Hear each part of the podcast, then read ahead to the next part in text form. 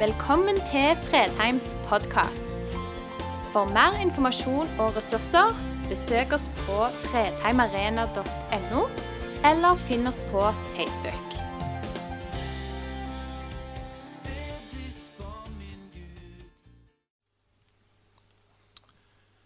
Hva er egentlig tillit? Og Temaet for denne søndagen er tro uttales tillit. Og da først og fremst med som tillit til Gud. Hva betyr det? Da jeg begynte å jobbe med dette temaet, så var en av de første tekstene som jeg møtte, det var en tekst fra Salme 37, vers 5. Legg din vei i Herrens hånd, stol på Han, så griper Han inn. En tillit til at Han griper inn en tillit til at han vil være der. En tillit til at det er trygt å legge min vei i hans hånd. At han vil ta vare på meg. Så kan man jo med en gang argumentere imot. Ja, Det er lett å si at en kan ha tillit dersom alt går bra. Men hva når en opplever skuffelse på skuffelse? Og ikke opplever at Gud griper inn. Så er det vanskeligere å ha tillit til at han egentlig bryr seg. At han egentlig hører meg, til at han egentlig er der? Eller er det sånn? Du vet, Jeg har faktisk dette verset her, Salme 37, 5, det er jeg faktisk inngravert i gifteringen min. Men jeg hadde glemt det ut. Eh, helt til jeg leste verset igjen, tenkte jeg at det var noe med det verset der. Så måtte jeg ta ringen og så måtte jeg se, ja, det stemmer. Det står i gifteringen min, det verset der. Og eh, det er kanskje ikke så farlig at jeg glemte ut at det, det sto i gifteringen, akkurat det verset. Men det er verre hvis jeg glemmer ut at han er verdt å ha tillit til. At han er verdt å stole på. Da kom jeg i større problemer. Denne salmen er tilskrevet eh, David, men dette er ikke en salme full av seier. En salme, Det er en salme hvor David reflekterer over alt han ser rundt seg. Som går vel for de urettferdige. Mer enn de rettferdige. Men til syvende og sist så går det likevel bedre for den rettferdige. Fordi han får sin hjelp ifra Herren, som er der ved trengselens tider. Frelser dem for den som søker sin tilflukt i ham. Det er mange historier i Bibelen som er nydelige i forhold til det å ha tillit til Gud. Og i kirkehistorien er full av mennesker som hadde tillit til Gud. Ikke ut ifra kalkulasjoner om at hvis jeg går denne og denne og denne veien, så går det meg vel. Men fordi de opplever at Gud leder i en retning. Og så har de tillit til at ok, Gud, hvis jeg går i den retningen, vil du være med meg da? Vil du være der for meg, selv om jeg er usikker? De hadde en tillit til at han ville det beste for dem. Martin Luther har ingen tørrpinne når det kommer til disse tingene, og oppsummerer bl.a. tro slik. Tro er levende. En levende, dristig tillit til Guds nåde. Så sikker på Guds gunst at den vil risikere døden tusen ganger med tillit til den. Slik tillit og kunnskap om Guds nåde gjør deg lykkelig, glad og dristig i forhold til Gud og alle skapninger. Og Den hellige ånd får dette til å skje gjennom tro. Vi er på vei inn i fasten. Og Fasten handler jo ofte om å eh, ta vekk noe i livet for å få større fokus på det som virkelig betyr noe. Som da er Gud og livet med Han, Jesus Kristus. I eh, kirkehistorien så har vi kanskje et av ytterpunktene i forhold til det med tillit. Det er jo kanskje Paulus av Tebe, som pleier å bli kalt den første kristne emeritten, nei, eremitten. Han kom fra Alexandria han hadde en eldre bror som het Petros. Etter farens død kom de i konflikt i forbindelse med deling av arven. Petros, som da var eldre, han beholdt mesteparten for seg selv og sa du er fremdeles ung. Sa han til broren. Ja, og jeg er redd for at du skal sette arven over styr. Derfor tar jeg vare på den til deg senere. Da de var på vei til en domstol for å løse arvesaken, gikk de forbi et begravelsesfølge. Paulos spurte en av de sørgende hvem det var som døde. Han fikk vite at det var en av byens rikeste menn. Han måtte, for, måtte forlate rikdommen og bli begravet kun i sin kappe. I det øyeblikket ble Paulos slått av rikdommens forgjengelighet. Han sa til seg sjøl, 'Hva skal jeg med alle pengene?' Vi allikevel skal forlate denne verden naken. Han snudde seg mot broren sin og sa, 'Vi går tilbake. Jeg vil ikke ha noe. Ikke engang den delen av arven som er min. Samme dag la Paulus i vei mot ørkenen, hvor han levde i 70 år. Og opplevde seg både ledet og forsørget av Gud hver eneste dag. Og endte med å stå i front for en bevegelse. Vi er nå i ytterkant Og hva det vil si å ha tillit til Gud. Men tillit trenger ikke alltid å være så dramatisk. Ikke så voldsomme historier. En av de fortellingene jeg liker veldig godt fra Bibelen i Nytestamentet knytta til tillit, er kanskje så står i Lukas 8, 43. Det var en kvinne der som hadde hatt blødninger i tolv år. Alt hun eide, hadde hun brukt til leger, men ingen hadde klart å gjøre henne frisk. Hun nærmet seg Jesus bakfra, rørte ved dusken på kappefliken hans og straks stanset blødningen.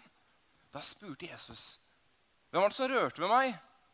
Da ingen ville svare, svarte Peter, 'Mester, folk presser seg på deg fra alle kanter.' Men Jesus sa, 'Det var noen som rørte ved meg.' Jeg merket at det gikk en kraft ut fra meg. Da kvinnen skjønte at hun ikke lenger kunne skjules, kom hun skjelvende fram, mens alle så på, kastet seg ned for ham og fortalte hvorfor hun rørte ved ham, og hvordan hun var blitt frisk med det samme. Da sa Jesus til henne, 'Din tro har frelst deg, datter. Gå i fred.' For en tillit til at han kan gjøre undre. Hun hadde en tillit sikkert også blandet med en frustrasjon over å ha prøvd absolutt alt annet. Men hun hadde en tillit at Jesus kan gjøre meg frisk. En av grunnen så virker det som hun ville gjøre det i skjul. For Hun ville jo ikke bli sett. Hun pressa seg fram bakfra. For, kanskje for å unngå oppmerksomhet. For å få tak i denne kappefliken. I en overbevisning til hvis jeg bare får tak i den, så vil han gjøre noe i livet mitt. For en tillit til Gud. Og Her snakker vi trolig om en person som ikke heller har opplevd at alt i livet har gått på skinner. Hun har brukt alt hun eier, på å bli kvitt denne ulykkelige situasjonen, disse blødningene. Men på tross av det bevarer hun tilliten til Gud. Og ikke minst tilliten til den personen Jesus Kristus virkelig er. Guds sønn. Og at han vil det beste for henne. Det er noe vi alle kan kjenne på. Jeg òg. At det er en del ting vi skulle ønske var annerledes. Savn som vi skulle ønske kunne vært oppfylt. Og når Gud ikke svarer, ikke leverer, så er det lett å tenke at det er han som har et problem, og tilliten til han kan få et knekk. Men er det egentlig rettferdig? Er kravet for at jeg skal ha tillit til Gud, at han løser alle mine problemer? Alle mine spørsmål, alle mine forventninger? Blir ikke det i så fall å forvente at Gud fullt ut skal fullføre min agenda i livet? Istedenfor at jeg prøver å forstå hans. Men det hjelper kanskje ikke så mye når vi kommer til sykdom og lidelse, som vi vet at Gud ikke ønsker. Det er så mange av oss som har prøvd å hive oss etter den kappefliken hans, som damen i historien. Og så mange som hadde gjort det hvis det var det som skulle til. Men så er det så mange som har gjort det gang etter gang og opplevd å bli skuffet. For de blei kanskje ikke helbreda. Så står vi igjen med spørsmålet til Gud. Hva skjer, Gud? Hvor er du? Et spørsmål som tas opp også igjen og igjen og igjen i Bibelen. At vi ikke alltid forstår.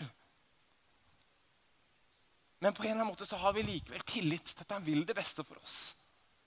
Han vil være der, og han er der. Men hvordan henger det sammen, da, Gud? For det er ikke slik at alt vi ber om, blir slik vi ønsker. Så den tilliten vi snakker om, må i så fall være en tillit som også kan bære over med sorgen over at ting ikke ble slik som jeg hadde tenkt, slik som jeg hadde håpet. Det vi var vitne til her i dag om med to dåp, det er også tillit. En fest. Vi døper barna våre til den treenige Gud fordi vi har en tillit til at han er den han sier han er. At han møter barna på måter ikke vi kan forstå. At han gjør noe gjennom dåpen. Og gir barna noe helt spesielt. Ofte fra et luthersk utgangspunkt så sier vi at dåpen er en gave barna får, som de selv må velge opp om de vil pakke opp seinere i livet eller ikke. Men det er altså en tillit til at Gud er god, og han vil det beste for barna. Og vi plasserer barna i Guds hender. Har jeg tillit til at han vil meg det beste? Tillit til at jeg kan komme hele mitt liv til han? Stole på at han faktisk elsker meg og ønsker å møte meg, uavhengig av hva jeg har med meg i bagasjen min. For skjønner, Vi har alle bagasje. Noen har litt lettere bagasje, andre har litt tyngre bagasje. Men alle har vi en bagasje vi kommer med. Men poenget er at Gud ønsker å møte deg uansett. Han ønsker å være nær ditt liv og møte deg med sin kjærlighet uavhengig av hvor du er nå. Og hva vi tar med oss i den bagasjen. Så kan det godt være en del av kjærligheten hans også kommer til å kalle oss til å legge noe av oss. Så kanskje fasten bl.a. handler om. Men det er vel en del av det å være menneske. Å tro at vi aldri handler urett mot han, mot andre eller mot meg selv. Det blir jo naivt. Noen ting i livet trenger jeg å legge fra meg. Kanskje har du også erfaringer i livet som gjør at det er vanskelig å ha tillit. Tillit er krevende. Fordi tillit har tidligere blitt sveket. Du ga full tillit, men den du ga det til, viste seg å svike. Men så er jo det jo litt av karakteren til Gud. Han tåler å høre det. Gud, jeg ønsker å stole på at både du kan og vil det beste for mitt liv. Men sannheten er at jeg sliter og har tillit fordi jeg har blitt sveket før. Han tåler å høre det. Han har hørt av drøssevis av salmistene klagesangene, forkynneren, de var så pessimistiske av og til. De var så ærlige med sitt liv. Han tåler at vi kommer med det. Og han vil møte oss i det.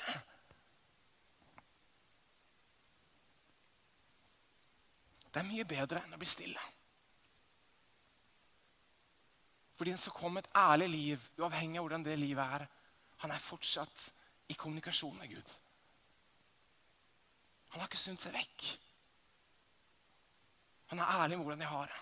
Dette, Gud, gjør at jeg har problemer med tillit.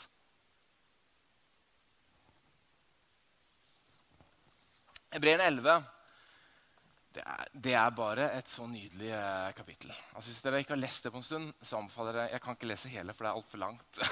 Men eh, anbefaler dere å gå hjem og lese det, for det er et så nydelig kapittel eh, hvor de oppsummerer mange av de bibelske versjonene og hvordan de handla i tro.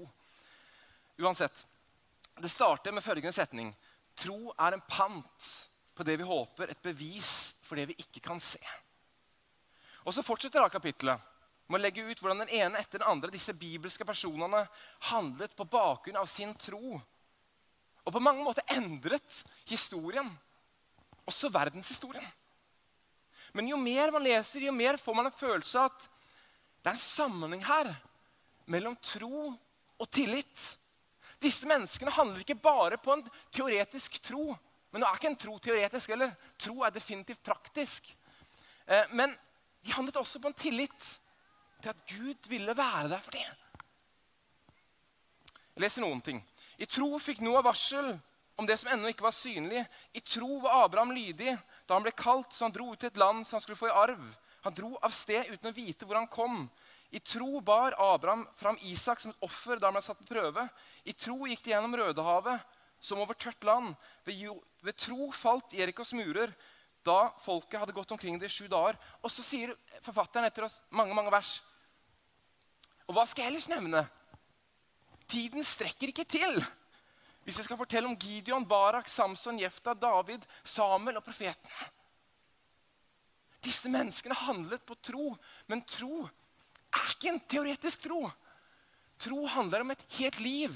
Tro er praktisk. Og derfor handler tro om tillit. Tillit til at du er der, Gud. Tillit til at når jeg vandrer etter deg, så vil du være der. Uavhengig av at jeg av og til kjenner at her føler jeg meg ikke helt trygg. Og så kan det være Gud at jeg sliter med tillit, for jeg har historier i mitt liv hvor den tilliten har det brutt. Men jeg ønsker å ha tillit. Og så eh, jeg, vil påstå at dette kapittelet avsluttes i kapittel 12, eller dette avsnittet, hvor det står Derfor, når vi har så stor sky av vitner omkring oss, så la oss legge av oss alt som tynger, og synden som så lett fanger oss inn, og med utholdenhet fullføre det løpet som ligger foran oss, med blikket festet på Han som er troens opphavsmann og fullender, Jesus. Dette er folk som ikke bare hadde tro, men de hadde også en tillit til at Gud kommer til å være der. Tross at de møter mange utfordringer i sitt liv. Dette er ikke folk som alt gikk perfekt. Dette er ikke folk som hadde spesielt tro på seg sjøl. En del av de hadde store problemer med å ha tillit til seg sjøl. Men det gikk likevel. For de hadde en tillit til at han her vil det beste for meg. Gud vil det beste for meg. Tro og tillit henger sammen. Gud er ikke en fjern figur som vi ikke kan forholde oss til. Gud kommer nær, og han møter oss der vi er. Og kan, vi kan ha tillit til at han faktisk vil det beste for oss. Og legg merke til at Den tilliten vi snakker om her nå, det er ikke tilliten til meg sjøl, tilliten til mine egne prestasjoner, en selvglorifisering eller egne evner, eller det å stå i spotlighten. Sannheten var at en del av disse figurene de hadde store problemer med tillit til seg sjøl. De mente det ikke strakk til. Ta Moses, for eksempel. Han gikk jo inn i argumentasjon med Gud. Du burde velge en annen. Du gjør en stor tabbe her med å velge. Han sa det ikke akkurat sånn, men det er på en måte poenget. Velg en annen. Jeg kan ikke snakke. Nei, men ok, da tar jeg med en annen som kan være med deg på veien. Da tar jeg med.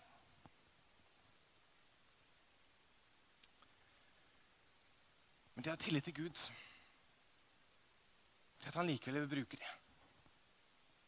Fordi han sa han ønsket å bruke det. Så fikk det heller være at jeg ikke hadde tillit til meg sjøl. Jeg får stole på at han har kontroll. Paulus, eh, han var, Paulus var nok litt, tror jeg jeg må si, andre enden. Paulus han hadde egentlig tillit til seg sjøl. Eh, han hadde mye på stell. Eh, I Filippe 3 behandler Paulus nettopp dette, hvor han sier ytre sett har jeg grunn til selvtillit. Om andre mener de kan sette sin lit til det ytre, kan jeg det enda mer. Jeg er omskåret på den åttende dag jeg er av Israels folk, av Benjamins stamme, hebreer av hebreere, lovlydig fariseer, brennende ivrig forfølger av kirken, uklanderlig i min rettferdighet etter loven. Han her har foreløpig ikke spesielt problemer med selvtilliten. som dere hører. Og så kommer vi til vers 7. Men det som før var en vinning for meg, det regner jeg nå for Kristers skyld som et tap. Jeg regner alt som et tap, fordi det å kjenne Jesus Kristus, min Herre, er så mye mer verdt. For hans skyld har jeg tapt alt, og jeg regner alt som verdiløst skrapt, bare jeg kan vinne Jesus Kristus. I vår kultur er det så høye forventninger til alt vi skal mestre. Og vi er å mestre i å sammenligne oss med hverandre. Er vi gode i det ene, så sammenligner vi oss fort med det andre. Så vi kommer uansett dårlig ut, for vi klarer ikke å vinne på absolutt alle områder.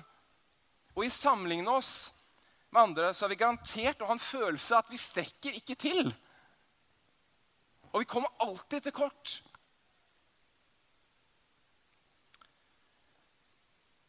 Og Paulus var jo ikke akkurat der, men han kom til det punktet at på tross alt så var det at det var mye som trolig talte for å ha tillit til alle de tingene han hadde ervervet opp gjennom livet.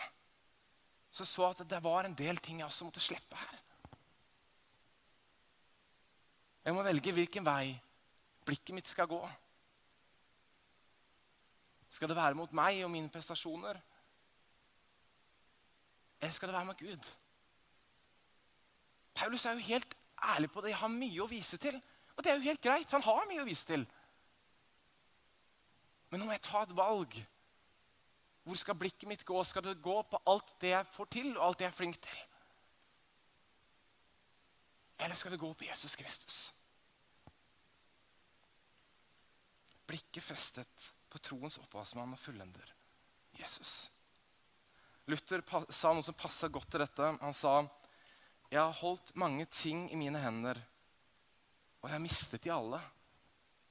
Men hva jeg har lagt i Guds hender, det har jeg fortsatt. Vi startet opp med Salme 37,5. Legg det meg i Herrens ånd. Stol på Han, så griper Han inn. Og vi tror Han gjør det. Selv om vi ikke alltid forstår hvorfor Han ikke gjør det akkurat på den måten jeg ønsker det. Hvordan dette rundt tillit berører deg, det vet du mye bedre enn noen av oss andre. Kanskje er det brutt tillit, så det er vanskelig å ha tillit. Til Gud òg. Vær åpen med det, men ærlig med deg, Gud. Jeg har tillit til deg, men samtidig så sliter jeg med å ha tillit. Fordi jeg sår i mitt liv som jeg ikke er forbi, som ikke er helt leget. Kanskje er at all tillit i livet har flyttet til deg selv og alle de tinga du får til. At det kanskje er noen ting i livet ditt som må falle. For at blikket ditt ikke lenger vender på deg sjøl, men det vender på han. Eller kanskje er det at troen må bli mer enn bare en teori. Hør det, folkens, Én ting du skal få med dere gå ut her. Tro er ikke teori. Tro er et liv. En vandring etter Jesus Kristus. Der du er. Tro ser veldig praktisk ut.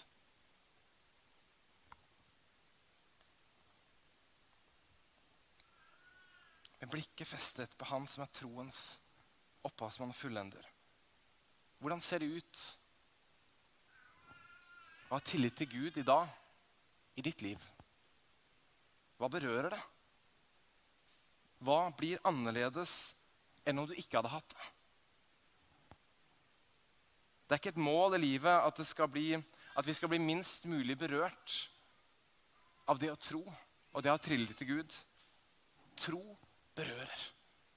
Tro gjør noe med oss. Fordi tro angår hele livet. Hvordan berører det deg. Vi ber. Kjære Jesus, takk for at du elsker oss. Takk fordi eh, du både kom til verden som et spedbarn Jesus. Og du ga ditt liv for oss for at vi skulle få være i en relasjon med Faderen, Sønnen Den hellige ånd Jesus. Takk for at du vil det beste for oss. Far, du ser hvor hver enkelt av oss er. Jesus, hjelp og skap tillit i våre liv til den du er. Og til at du er et fundament som vi kan stole på. Og kjære, så ber dem at det med at av og til troen kan bli sånn teoretisk som sitter i hodet, la oss få lov å kjenne hva det vil si å tro på deg, og hvordan det ser ut når det slår ned praktisk i våre liv. Og det berører alt. Der det er sår som har oppstått kanskje langt tilbake i forhold til det som går på tillit, så ber jeg far om at du både leger, men også gi mot til å være ærlig med deg i forhold til situasjonen. Hvorfor ting er som de er. Jeg ber om at du møter oss, at du er med den dagen. I Jesu navn. Amen.